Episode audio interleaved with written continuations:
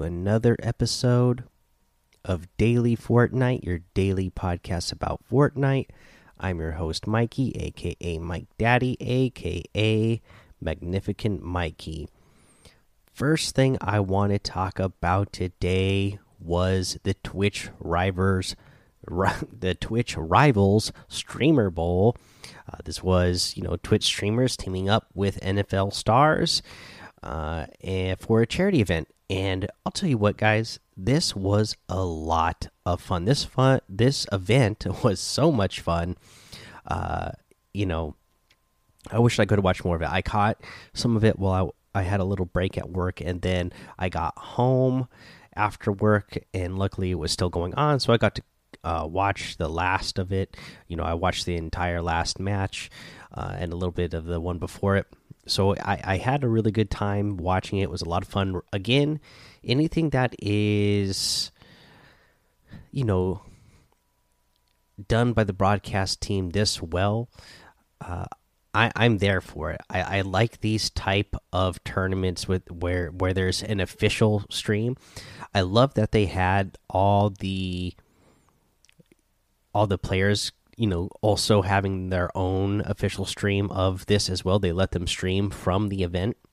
That was really cool because then you could go check in on each individual player if you wanted to and see it from their perspective.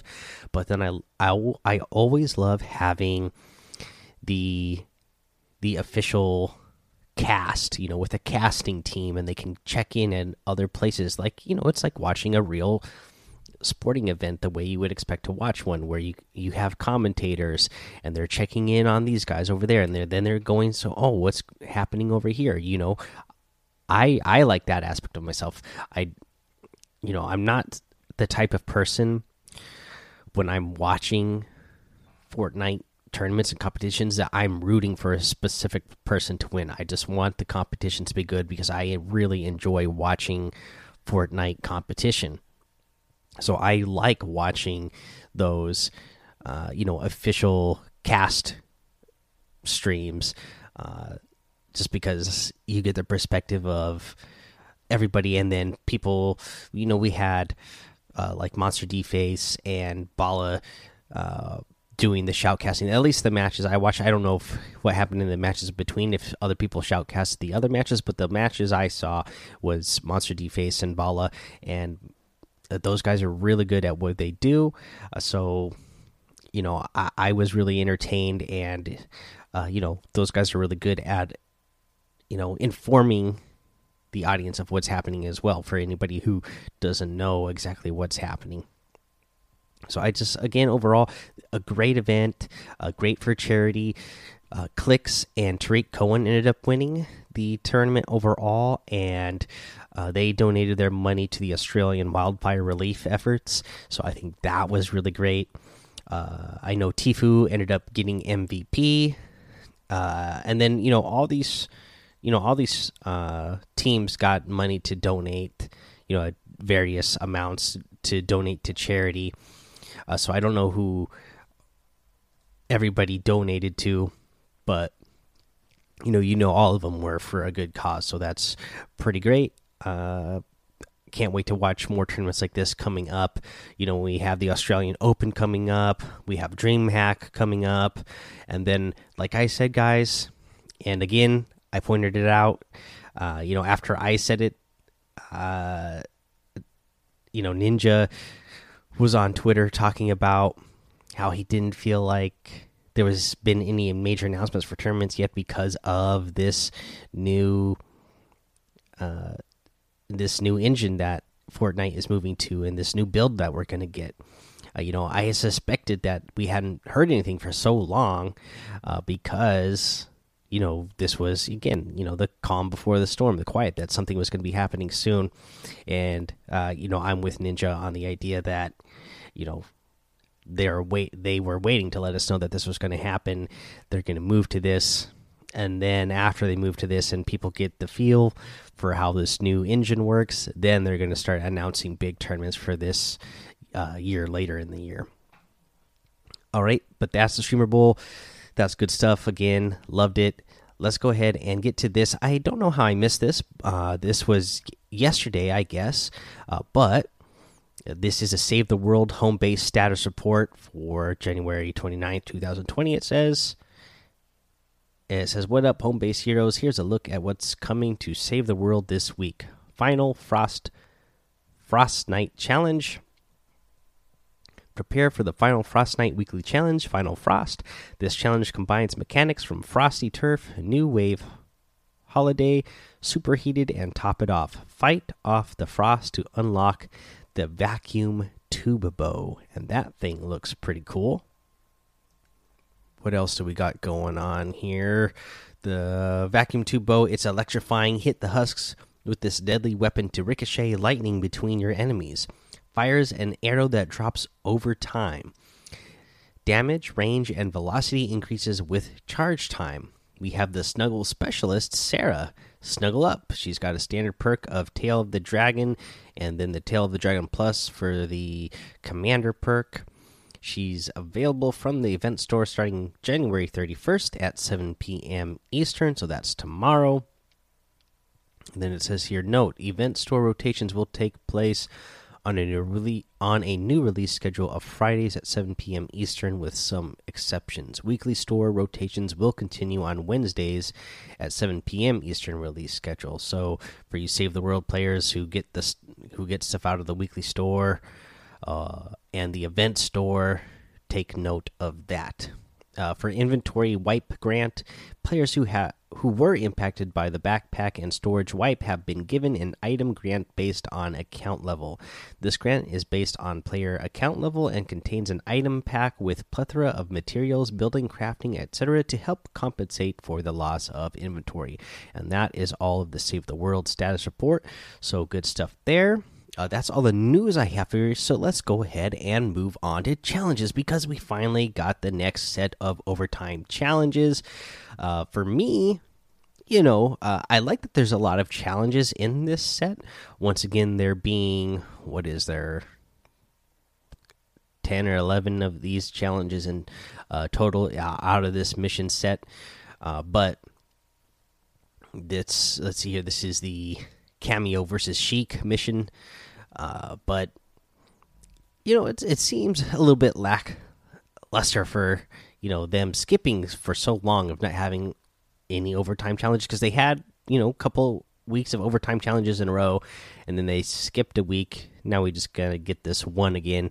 Last time they gave us two sets at once but we just get one this time. But you know i guess we know that in a week that we're getting a special two week event to lead up to the next season so hopefully that will make up for it but here's the set of challenges that we have for the uh, cameo versus Chic uh, catch an item with a fishing rod at no fishing signs. Uh, that's three uh, places total. You need to consume an apple, a mushroom, and a slurp shroom. So one of each, three items total. You need to search a rare chest or a supply llama. Looks like five total. You need eliminations at different named locations. Five. You need to catch a fish at Lake Canoe, Lazy Lake, and Flopper Pond. You need to visit a lonely recliner, a radio station, and outdoor movie theater. You need to destroy a telescope, a TV, and telephone pole. You need to dance at the top of a mountain at H7, mountain F8, and mountain K. You need to get an elimination with an assault rifle, shotgun, and sniper rifle. You need to search the hidden gnome found between a racetrack, cabbage patch, and form farm sign. Sorry. Uh, so let's go ahead and I'll let's do the catch an item with a fishing rod at no fishing signs because that's one of the the first ones uh, that you come up with. And this is actually uh, you can get this done really easily. It looks like by looking at squatting dogs uh, thing here uh, by going to Slurpy Swamp because if you go to Slurpy Swamp at the named location on the west side of Slurpy Swamp, on the south side, and on the north side, there are no fishing signs at uh, at all three of those areas. So, uh, and there's plenty of fishing rods around there as well. I usually land on the south side and get uh, fishing rods out of one of the piers there, and then uh, you know just uh, fish in the fishing holes and catch catch some fish, um, or catch an item. Uh, so that's how you're gonna get that one done. I know that's one of the first challenges. So we'll go over the rest of them throughout the rest of the week. For now, let's go ahead and take a break, and we'll come back. We'll go over today's item shop. All right, let's look at today's item shop. And uh, because we had the Streamer Bowl going on here, we have a special offers section again where we have the fourth down set uh, outfits back in the item shop. And this is, again, all of the. Uh, so there's eight different variants total uh, of the character models for the uh, NFL style uh, players. And then, of course, after you buy these items, you have access to put whatever team from the NFL that you want. And again, we do have a uh, Super Bowl styles for the uh, Patriots, Rams, uh, 49ers, and uh, Chiefs. Uh, let's see here. Oh, and then of course you can select your number as well. So you have all those NFL outfits. You have the Whistle Warrior outfit and the Striped Soldier outfit. Oh, sorry. Uh, let me remind you that the the the NFL outfits are 1,500 V bucks. Uh, the uh, Whistle Warrior outfit is 800 the striped soldier outfit is 800 and the first downer harvesting tool is 500 you have the spike it emote for 500 the touchdown glider for 500 the denied emote for 200 the upright axe harvesting tool for 800 the timeout emote for 200 the golden pigskin harvesting tool for 500 so that's all your uh, nfl outfits back in the item shop. Now we have in the uh, regular uh, featured section we have the uh, stingray outfit beware the silent sting of doom uh, again I, I i liked this one when it came out i still like it it comes with the manta back bling uh, this is 1200 uh, you have the Sea Scorpion harvesting tool, and this is a harvesting tool that I like. Uh, that is 500 V bucks. We have the uh, Magnus outfit that comes with the Enduring Cape back bling for 2,000. Gotta love this Viking, and the Forebearer harvesting tool for 800.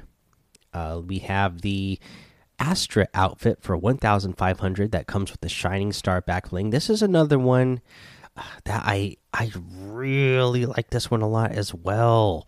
Uh, it's so hard for me to not get this one, especially I like that back bling that it comes with. Ugh. We're getting so close to the next season though that I, I don't want to spend my V bucks, but I like that one so much. Uh, anyways, moving on, we have the constellation wrap for 500 as well. Uh, we have the Nara outfit for 1,500 that comes with the white fang back bling the birdie outfit for 800 the cartwheeling emote for uh, 500 the driver harvesting tool for 500 the billy bounce emote one of my favorites for 500 and the new free mix emote anything goes. Uh you know i, I like the dance okay uh I saw this on Twitter uh, when they announced it. I'm not a big fan of the music on this emote. I don't know why, but not not my favorite. I, I, I guess I don't I don't like that little voice thing that they got going on in that in that music. So I don't know if I'm going to get that one. Uh, we have the Frozen Legends pack in here as well, guys, and that's all of the item shop today. You can get all of these items using code Mike Daddy M M M I K E D A D D Y in the item shop to help support the show. Hashtag sponsor. Again, uh, no real tip for you today. Uh, I would just suggest go watch that uh, Twitch Rival Streamer Bowl. It was a lot of fun. Uh, you know, and if you if you are able to and can watch these things live and participate in the chat, whether it's the official uh, tournament uh, stream or if it's one of the individual players' streams. I was just getting in there because it's always nice to be part of the community. Uh, and I know we have so many uh, cool people who are part of this community that, uh, you know, I, I think it's just good for good people to get out in the Fortnite community and uh, participate to uh, help keep making the uh, Fortnite community uh, a positive one to be in. Because again, I've I, have i have been a part of other gaming communities for specific games where you know the gaming community can really go down real fast uh, if if you let it. But I think Fortnite has uh, you know done a good job the community has done a good job over the last two years of you know overall for the most part being a, a positive community. So i like being part of it and i want to keep seeing it that way. All right guys come join the daily fortnite discord and hang out with us. Follow me over on twitch youtube and twitter mike daddy on all over those. Uh, head over to apple podcasts leave a five star rating and a written review for a shout out on the show. Make sure that you subscribe so you don't miss an episode. And until next time have fun be safe and don't get lost in the storm.